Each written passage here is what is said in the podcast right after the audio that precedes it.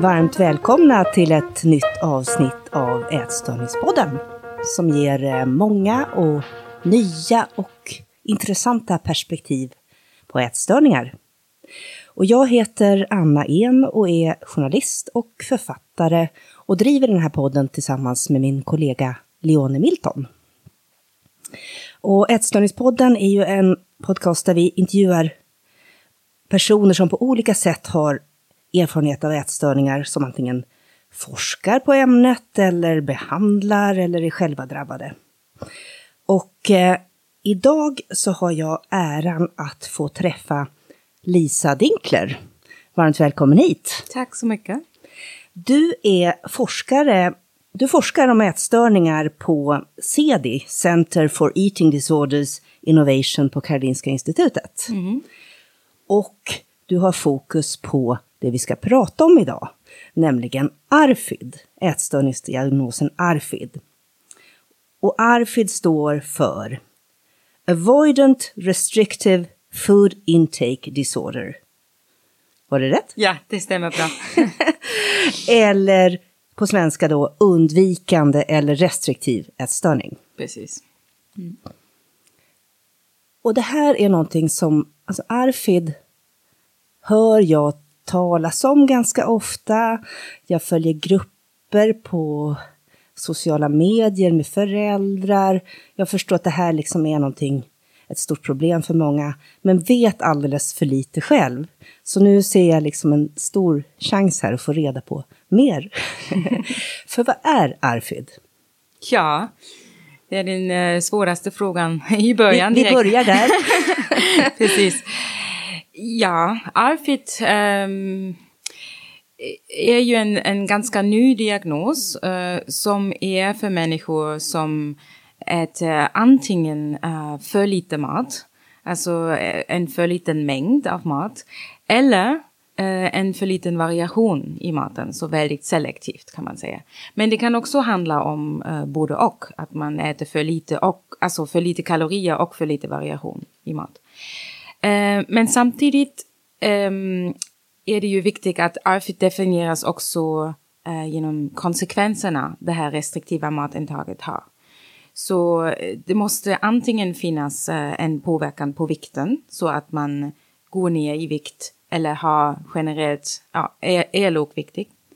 Eh, eller att det finns en näringsbrist, till exempel att man inte får tillräckligt med eh, vitaminer eller mineraler. Eller att man är beroende på näringstillskott, eh, till exempel sondmatning eller näringsdrycker. Eller så har man en påverkan på den psykosociala funktionen. Vad betyder eh, det? Det betyder att man inte kan vara delaktig eh, i ett normalt liv så att säga. Man kan inte ha, eh, vara med i alla sociala sammanhang eftersom det blir alltid svårt med maten um, eftersom man inte kan äta med andra eller man kan inte vara i skolan hela dagen för att man orkar inte eftersom man inte kan äta i skolan eller samma sak på jobbet. Uh, så om det Precis, om det påverkar funktionen uh, som man skulle förvänta sig för den människan så uh, kan man också diagnostisera AFID. Mm. Och du säger att det är en relativt ny diagnos. Eh, vad innebär det? Betyder det att den inte har funnits tidigare? Eller att det... ja, det, det, är en bra fråga faktiskt, för att det är ju inte så. Alltså tillståndet har ju funnits tidigare och många människor har levt med detta eh, väldigt länge. Och om vi tittar i litteraturen så då hittar vi ju också beskrivningar på, på detta tillstånd, även om det har inte kallats för ARFID tidigare.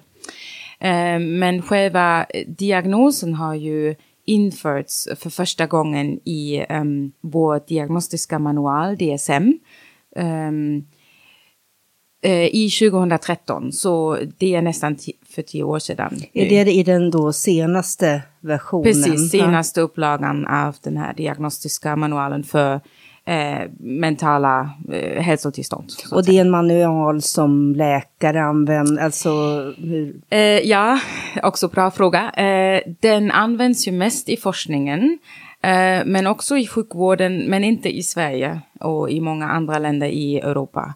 Eh, så istället använder vi ju ICD, International Classification of Diseases, i Sverige för att sätta diagnoser. Och det är också nästa problem egentligen, för att även om eh, ARFID-diagnosen har funnits i tio år i DSM, så har det bara funnits i ICD eh, sedan 2022. Den, så den, sista upplag, ja. eller den senaste upplagan av ICD eh, är ICD 11 och den kom ut förra året. Um, men samtidigt är det så att den i Sverige inte har implementerats än eftersom den måste först översättas och sen måste alla system ändras innan man kan verkligen sätta en ICD-11-diagnos i Sverige. Så det betyder att AFID-diagnosen kan officiellt inte sättas än i Sverige. Det ah. finns ingen kod så att säga. Okej. Okay. Mm. Det låter komplicerat. Ja. men det är ändå på gång då? Det kommer ja, kanske det är på ske gång, under men... 2023 eller? Nej, det nej. tror jag inte.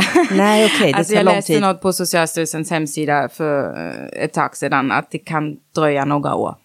Okej, okay. faktiskt. Ja. Mm, tyvärr. Eh, jag kan tänka mig att det påverkar möjligheter till behandling och så vidare.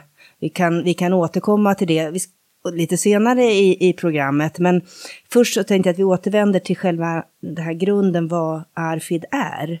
För det du beskriver där skulle ju kunna... Alltså, vad är skillnaden mot anorexi? Eller mot andra ätstörningsdiagnoser? Ja, det är en bra fråga eh, och det har jag inte nämnt än. Så man kan ju tänka att det, det låter ganska liknande anorexi, men själva motivationen för att begränsa matintaget, den är annorlunda eh, vid AFID och vid anorexi. Um, så vid anorexi vet vi ju att det är mest en, en önskan att vara smal, att uh, gå ner i vikt eller att inte gå upp i vikt.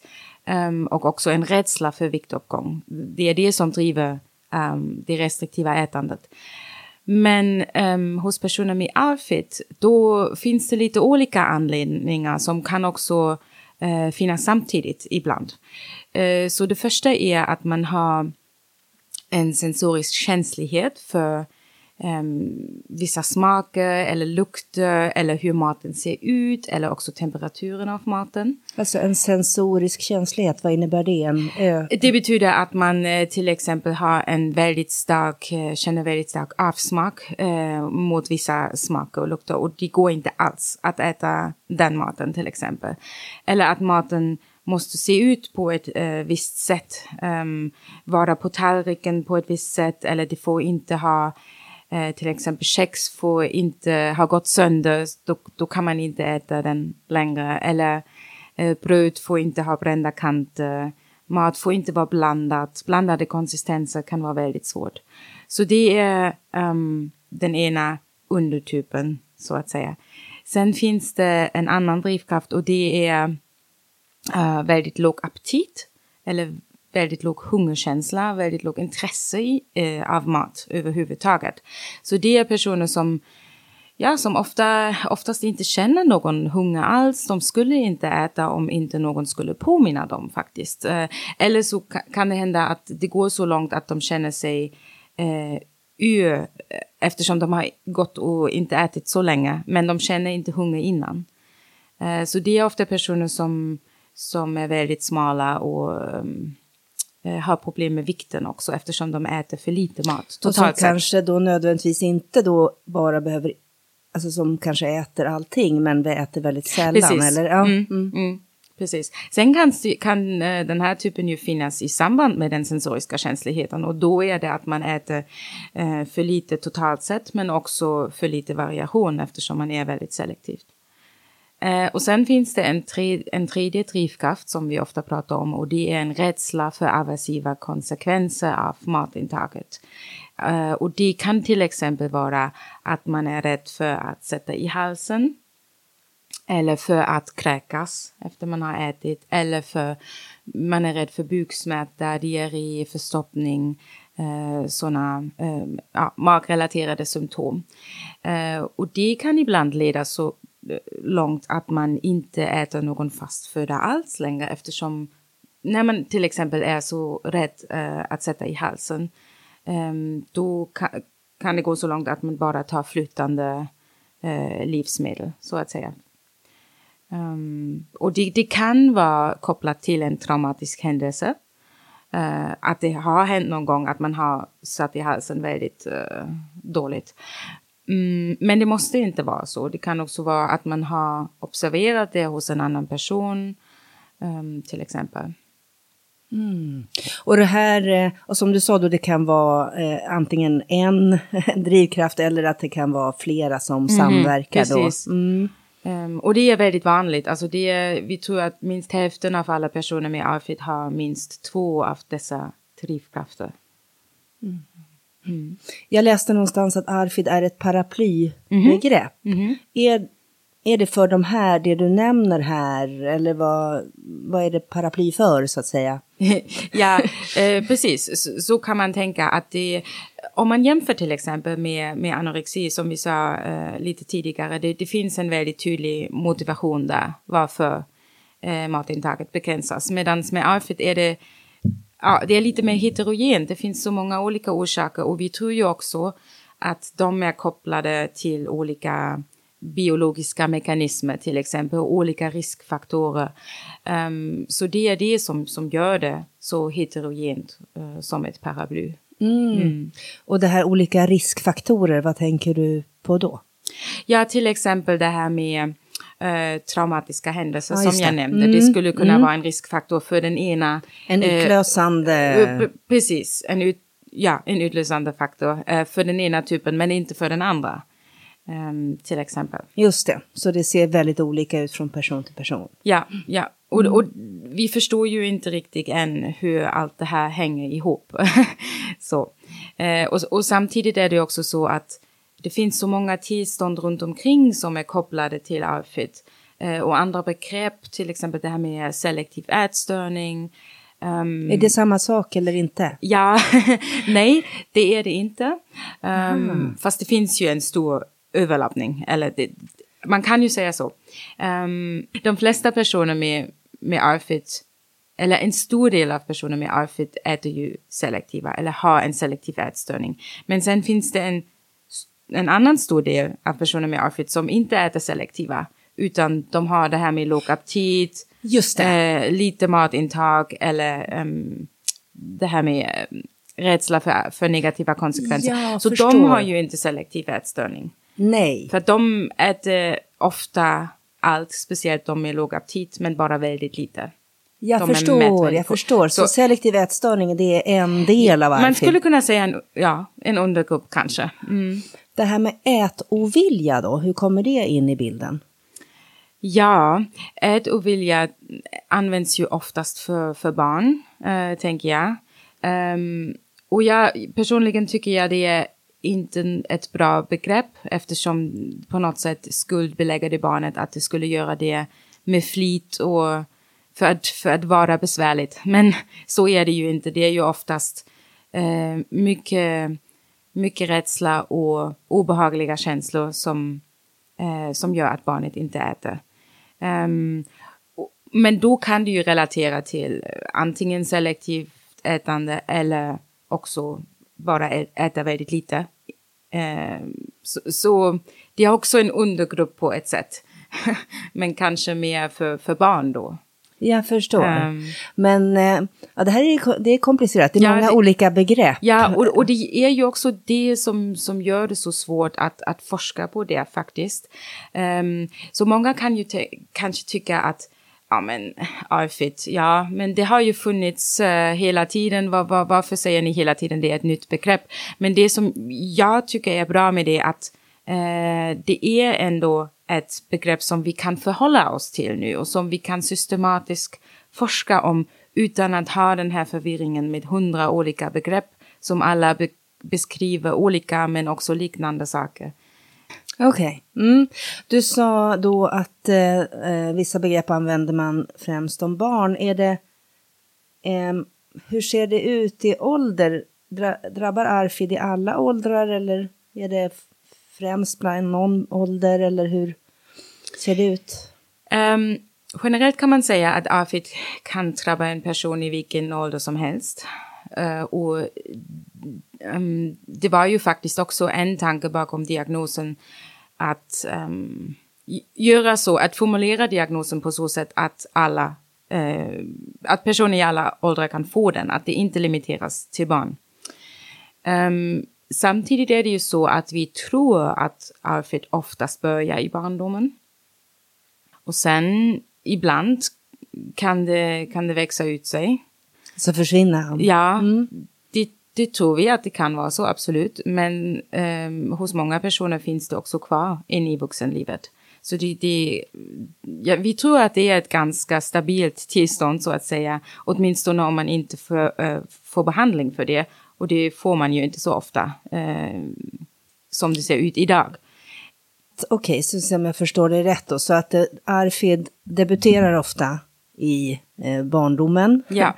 eh, och det kanske också om barn som vi hittills har hört mest. Precis.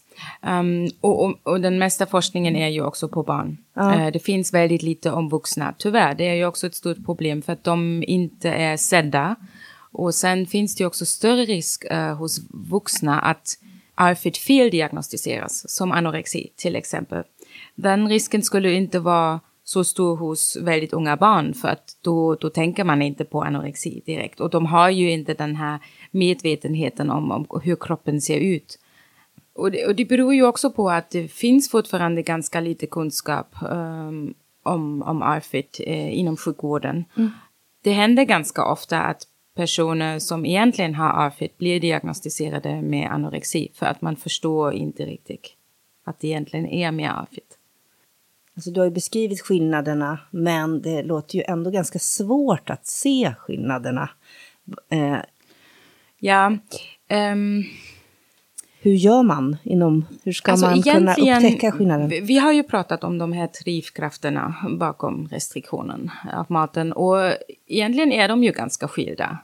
Och, och personerna kan också beskriva det uh, så. Men sen kan det ju faktiskt också vara så att Vissa personer med ARFID utvecklar mer anorektiska beteenden eh, senare. Jag förstår. Mm. Eller också hetsätning till exempel. Eh, och då, då blir det svårt. Det håller jag absolut med om. Och som det är nu um, är det ju i, i diagnosmanualen definieras det att man inte kan diagnostisera ARFID och anorexi till exempel samtidigt. Okej. Okay. Så det, man, man kan måste bara, ha antingen det ena antingen eller det andra. Eller, precis. Mm -hmm. um, och det håller jag inte riktigt med om. Uh, tror jag. För att jag tror det kan finnas båda och. Både och. För att bara um, eftersom en person utvecklar också Eh, en, en kroppsmissnöje och kanske har också en drivkraft att gå ner i vikt så försvinner ju inte de kanske underliggande AFIT-drivkrafterna så att säga. Att man, så man har fortfarande kvar sin sensoriska känslighet och man har faktiskt haft den låga aptiten innan redan. Men sen kommer det också eh, då kommer det läggas på vissa lager av motivationer för att... Just det. Eh, ja. Mm, och då börjar det bli väldigt komplicerat. Ja, ja precis. Mm. Mm. Um, du skrev ju din eh, avhandling eh, vid Gillbergs centrum på, vid Göteborgs universitet om restriktiva ätstörningar och samband med neuropsykiatriska funktionsnedsättningar. Mm. Mm. Och för det här är väl någonting man pratar om, liksom med ja. den kopplingen. Hur eh, ser det sambandet ut? Ja, det är ju något som, som tas upp, upp väldigt ofta som du sa. Um, det verkar finnas en ganska stor överlappning. Så det betyder att ja, många personer med ARFID har autism eller och ADHD till exempel, men också intellektuell funktionsnedsättning. Um, hur stor de här siffrorna är, det, det, vet vi inte än. Det finns vissa siffror, men de har en väldigt um, brett range, så att säga. Um, så, så det är väldigt svårt, det finns inte, inte många studier men det finns definitivt en överrepresentation. Men det är absolut inte så att alla personer med, med ARFID har en NPF-diagnos också. Jag vill också lägga till att um, en viss ätproblematik är ju väldigt vanligt hos barn med autism. Men inte alla dessa barn har ARFID också. Så bara för att man äter något selektivt um, är det inte direkt en, en ätstörning eller AFID. Utan det är ju väldigt viktigt att man alltid tänker på det här med, med konsekvenserna uh, som AFID definieras av. Så det måste finnas en påverkan antingen på vikten eller på, på näringen, näringsbrist. Att man är i behov av näringstillskott eller att man har väldigt svårt att fungera i, i vardagen. Mm, bra att du upprepar det där, mm. för det, det, det är väldigt viktigt, mm. alltså mm. konsekvenserna. Precis. Mm, för att skilja det ena från det andra ja. också. Mm. Okej, okay. finns det kopplingar till annan, finns det annan samsjuklighet vid ARFID? Som... Ja, eh, det som är mest eh, slående är nog samsjukligheten eh, med, med ångest, med ångeststörningar. Så jag tror det är man uppskattar det upp till 70 procent av personer med AFID har också en, en ångestproblematik. Um, och mest vanligt är det då med generaliserat ångestsyndrom. Men det finns också panikångest um, och social fobi. Um, också ofta hos barn separationsångest. Så det är en väldigt stor del av samsjukligheten. Och sen ska man såklart inte glömma eh, somatiska sjukdomar faktiskt. Eh, för det är också, det, det, ser vi väldigt mycket hos barn med ARFID. Um, ehm, och det kan ju ofta också vara en utlösande faktor av ARFID. Som vi har pratat om tidigare, till exempel när man har en eh, magsjukdom som eh, gör att man har ganska mycket eh, smärta eller förstoppning eller diarré, eh, sådana symptom. Och då, då kan det vara så att man blir rädd att äta. Eftersom varje gång man äter får man eh, sådana symptom så då undviker man att äta. Mm, det. Eh, det. kan man ju förstå på ja, ett ja. sätt. Mm. Um, så vi, vi håller precis uh, på att kartlägga alla de här samsjukligheter hos barn med ARFID i en uh, väldigt stor studie i, här i Sverige där vi tittar på alla möjliga sjukdomar från uh, cancer till problem med, med andningen, astma, men uh, också de här um, gastrointestinala sjukdomar. Det är mag, eh, mag, tarmsjukdomar, mm. precis. För att få en bra bild av vad, vad, finns det egentligen för samsjuklighet? För att än så länge finns det bara eh, små studier som är alltid från en eh, viss grupp, en viss eh, klinisk grupp så att säga. Det kan vara tonåringar som är i en ätstörningsklinik eller så är det barn som är i en ätstörningsklinik eller så är det personer som är i en mag-tarmklinik. Och då, då, det blir ju alltid väldigt selekterat, så vi vill ju veta hur ser det ut eh, om man tar en väldigt brett grupp. Eh, och så får man kanske tag på tillstånd som har, som har inte berättats om än i de små studierna. Ah. Eh, som är också eh, samsjuklig med, med AFID. Vad spännande, berätta mer. Är det, hur går den här studien till? Eh, precis, så vi har en um, Studien är baserad på en stor tvillingstudie som heter Child and Adolescent Twin Study in Sweden, eller CATS. Uh, och då är det 34 000 tvillingar som ingår. Och den finns Precis, datan mm. finns uh, här på KI, så, så att säga. Det är Svenska tvillingregistret som samlar in data. Den här datan har kopplats till vissa hälsoregister. Och vi har jobbat mycket med att få fram en en algoritm för att identifiera barn med, med ARFID. För att som jag sa tidigare så finns ju ingen diagnos för ARFID än i registren. Så vi kan inte bara gå in och säga, ja men den, den koden det är ARFID, det, det, det här barnet har ARFID. Eh, utan vi måste kombinera mycket olika informationer för, från alla möjliga håll. Och så har vi identifierat ungefär 700 barn med ARFID i den här gruppen. Så det är en prevalens på 2% ungefär. Vilket är väldigt rimligt om man tittar på tidigare studier. Så ja. tidigare mm. studier har visat att vi, vi uppskattar en prevalens, en förekomst av AFID på 1-5 procent ungefär. Men jag tror mest realistiskt är nog 1-2 procent eh, i den allmänna befolkningen. Och det gäller då barn och vuxna. Så också studier på vuxna har visat att det ligger på cirka 1-2 procent. Mm.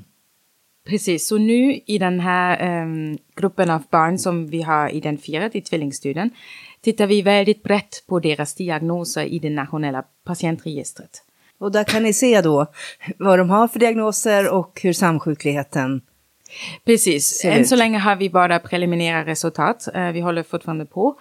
Um, men vi ser att um, barn med AFID har en väldigt, uh, ett väldigt mycket högre risk inom många olika grupper av, av sjukdomar. Alltså det gäller eh, MPF men också, eh, som vi pratade om tidigare, ångest, mag-tarmproblem, men också cancer och alltså andningsbesvär och allt det där. Så det, blir mm. väldigt spännande. Ja. Um, ja. Och hur går ni vidare nu?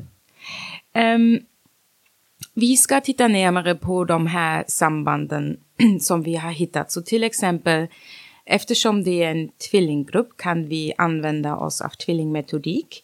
Och det betyder att vi kan förstå hur mycket av de här samsjukligheterna beror på, på generna, så att säga. Och då har jag till exempel tittat på sambandet mellan ARFID och autism. Där har jag hittat att orsaken till att det finns så stor samsjuklighet mellan ARFID och autism, det, det är generna till stor del. Det beror väldigt mycket på att det är samma gener som påverkar om man utvecklar ARFID och autism också. Och det ska vi nu titta på vid andra tillstånd också, vid andra samsjukligheter. Um, så det blir väldigt spännande. När kommer resultaten att presenteras? eh, nu under det här året, tror ah, jag. Mm. Ja, ja.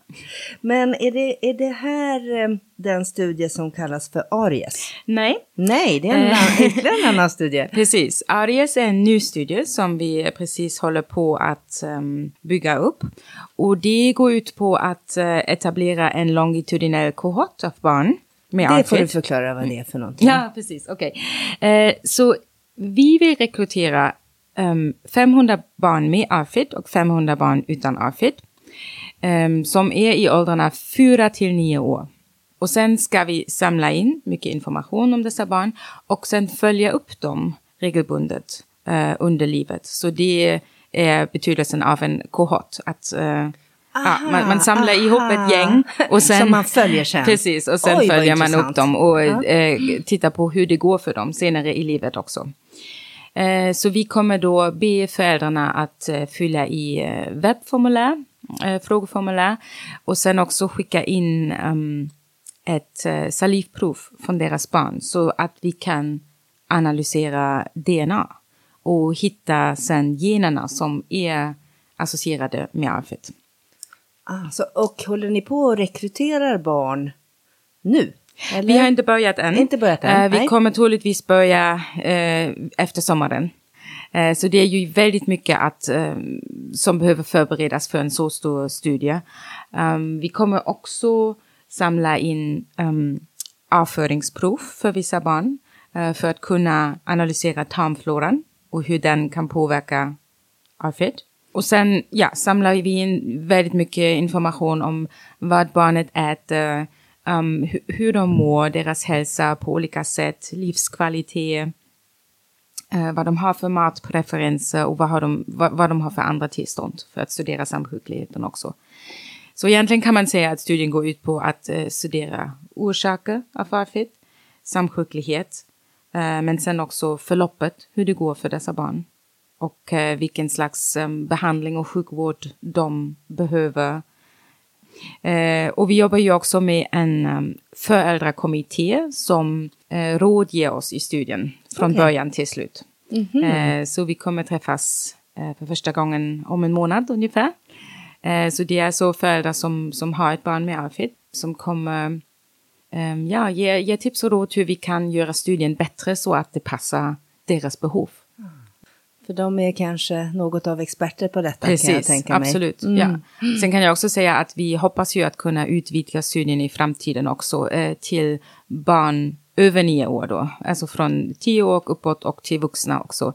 Men eh, vi behöver först lite mer forskningspengar till detta. Jag förstår, jag förstår. Men det här, då kan man tänka sig att eh, ni träffar dem igen om tio år och ytterligare? Alltså ska, ja, förhoppningsvis så? lite tidigare. Ja. Um, Just det. än om det, precis. Men jag menar eh, att ni kanske träffar dem eh, eh, ja, men, med intervall framåt mm. vidare i livet sen. Ja, så ja. du kan ägna hela din forskningskarriär Teoretiskt åt detta. sett. Ja. Precis. Det låter ju inte så dumt. Ja. Nej, jättebra. Mm.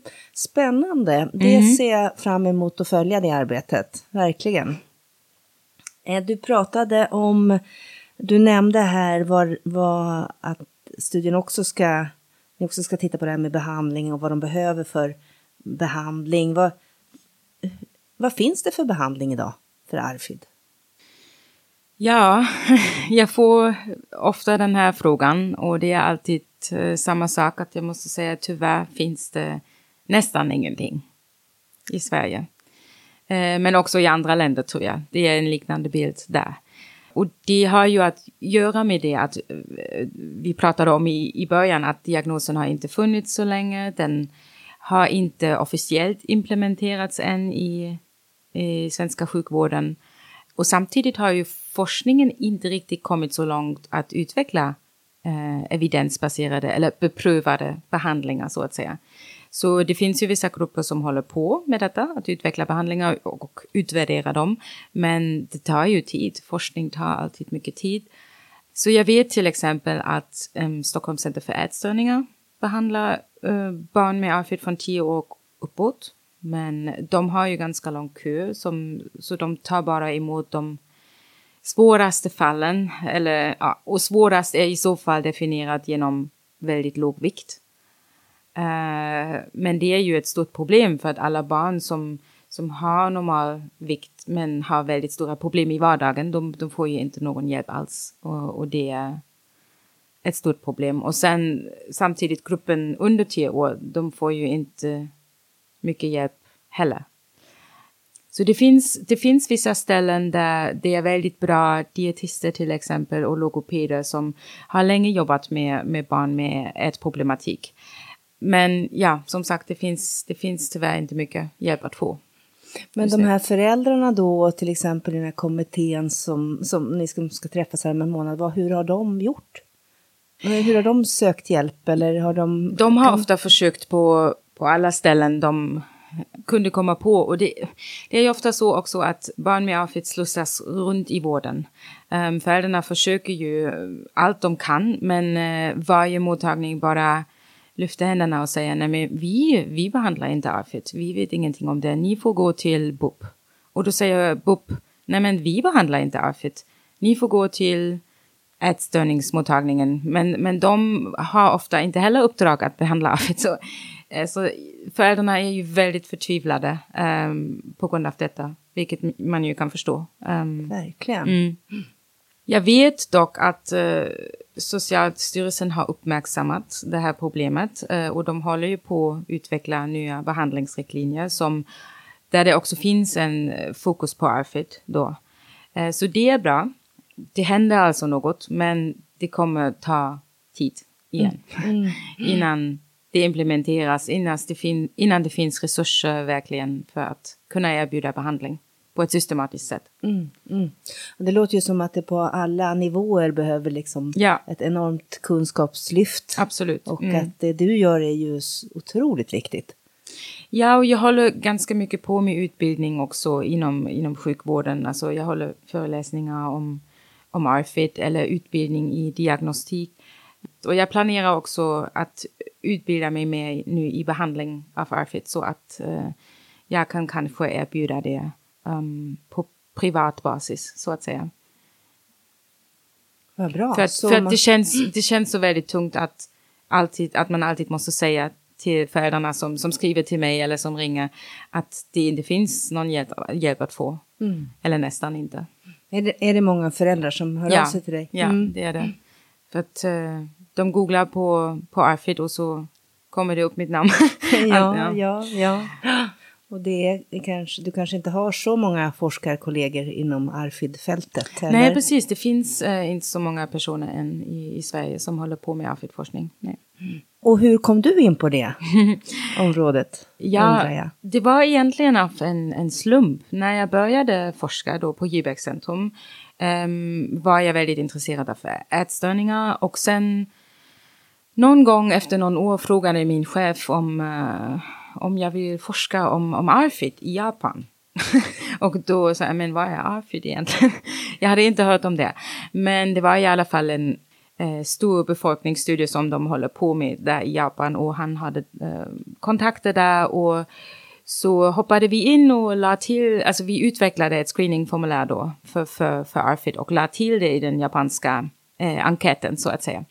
Eh, så det är egentligen den första forskningen jag gjorde om ARFID, att vi tittade på förekomsten hos japanska barn. Eh, Jaha. Mm, precis, och hur det hänger ihop med, med MPF då. Okej. Okay. Mm. Mm, och då och, sen blev du biten? Ja, precis, för att det är ju ett, ett nytt och spännande område. Det är um, å ena sidan tråkigt att vi vet så lite, men samtidigt också väldigt spännande för att det är många saker som som man kan göra för första gången eh, i ett nytt fält. Så till exempel har jag ju nu gjort den första tvillingstudien eh, om ARFID, där vi har hittat att eh, ARFID verkar ha en väldigt hög ärftlighet. Eh, så det betyder att generna är väldigt viktiga. Det finns, alltså biologin spelar den största rollen egentligen för att man utvecklar ARFID. Och ärftligheten verkar även vara större än för andra ätstörningar som mm. anorexi och bulimi. Så det är ju väldigt intressant. Och det betyder ju också att det är viktigt med, med genetisk forskning. Eh, så att vi kan hitta orsakerna.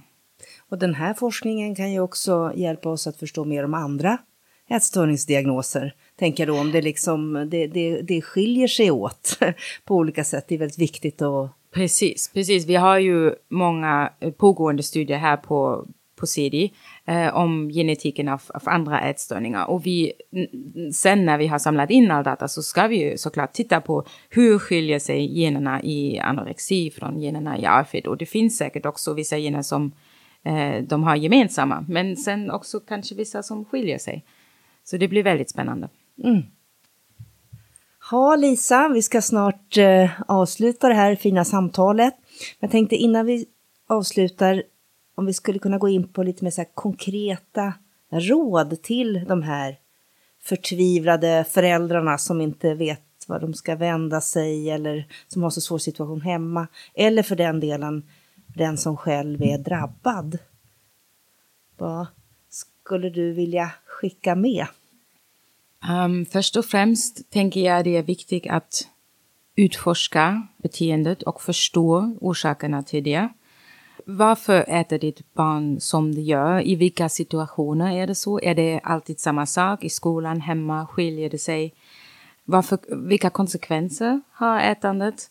Och finns det till exempel vissa riskfaktorer i familjen? Alltså att andra familjemedlemmar har ett problem eller NPF till exempel. Så man behöver förstå det på ett lite systematiskt sätt. Varför är det viktigt? Behandlingen av AFID beror ju väldigt mycket på de drivande krafter, så att säga. Så vad, är det den här sensoriska känsligheten? Är det den låga aptiten? Eller är det rädslan? Eller är det flera av de här orsakerna? Och i vilka situationer uppstår uh, beteende? Är det bättre ibland och vad är det som påverkar då? Så, så det är precis första kartlägga steget. Kartlägga ja, liksom. Mm -hmm. mm. Att man kartlägger det, precis. Sen finns det ju som ett andra eh, steg kanske att man uh, utvecklar en viss acceptans av situationen också. Att man inte skuldbelägger sig, sig själv och inte heller barnet, som vi sa tidigare. Det är inte med flit att de gör det, eller för att vara besvärlig. Det är ofta kopplat till väldigt mycket rädsla och obehagliga känslor. Eh, och som jag precis också sa, det verkar ha till en stor del biologiska or orsaker, eh, faktiskt. Och sen kan man kanske börja utmana vissa ätbeteenden. Eh, fundera på vad är det som, som måste förändras? Behöver mitt barn mer näring eh, i eh, alltså vitaminer, mineraler eller behöver den mer kalorier för att gå upp i vikt? Och så försöka då med just Precis, det? Eller? justera maten enligt, enligt det. Eh, mm. Så till exempel om ett barn har väldigt svårt att få i sig tillräckligt med, med kalorier um, man behöver inte bry sig så mycket om, om socker då till exempel, eller vad andra tycker är ohälsosam mat. Det spelar ingen roll om barnet äter eh, godis och chips och, och pommes och, och lever på det. Det är bättre det är att få i sig Precis, kalorierna. det är bättre att få i sig någonting. Och sen i andra steget kan man tänka på variation i maten också. Finns det något annat sådär knep man kan göra? Finns liksom, eh, är det att introducera sånt som barn brukar gilla eller vad? Ja, alltså det som är, det som är viktigt är ju att eh, lyssna på barnet, vad, vad de tycker om precis. Och om, de, de har ju ofta sådana eh, safe foods så att säga och det är alltid bra att ha med dem. Um, eller... Alltså safe foods, alltså sånt som de tycker om och precis, som de tycker som de klarar om. av att äta ja, kanske. Mm. Precis, absolut. Och uh, när det är så pass svårt att barnet har ja, svårt att äta överhuvudtaget så är det alltid bra att ha dem på lager, så att säga, att, eller att ta med sig. Man ska också vara lite realistisk i sina, sina förväntningar. Alltså, om ett barn har en väldigt svår ätproblematik så kommer den kanske aldrig bli den mest nyfikna och varierade ätaren. Men ändå ska man hjälpa till att eh, barnet kan utmana sig och ta risker med mat. Och det, det finns ju en um, psykologisk behandling man använder, den eh, kallas för exponering. Um, att man exponeras alltså för ny, ny mat, nya livsmedel. Men där också ska man ta väldigt små steg och börja smått.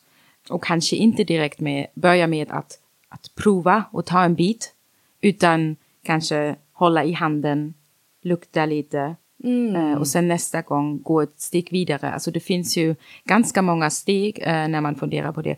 Och sen måste man också vara väldigt tålmodig för att det, det kommer ju komma upp um, väldigt många känslor när barnet ska prov, prova ny mat. Så det behövs ofta uh, många upprepningar. Det kan ta upp till tio gånger till exempel att ett barn exponeras för samma mat tills den klarar av att mm. uh, prova den till exempel eller acceptera maten. Så ta det långsamt um, och var, var, var tålmodig. Och det låter ju verkligen um, som att det här att, för, att verkligen förstå hur svårt det här är. Ja, för precis, barnet. Precis. Eh, eller för den vuxna för den delen. Ja. Men alltså den som är drabbad. Och att det inte funkar att bara säga, men vad är problemet? Nu tar du en bit, eller? Nej, just det. Ja. Mm. Och sen, men, en- men en annan sak man ska tänka på är att ta hand om sig själv också. Eh, det är viktigt att eh, ta en paus eh, och eh, ta hand om din hälsa och välmående för att eh, det behövs ju att föräldern har energi för att hjälpa sitt barn, så att säga.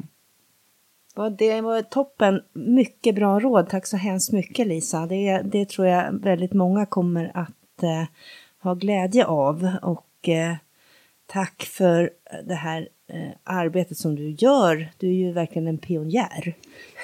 Tack. och jättestort tack för att du var med i Ätstörningspodden. Tack för att jag fick vara här.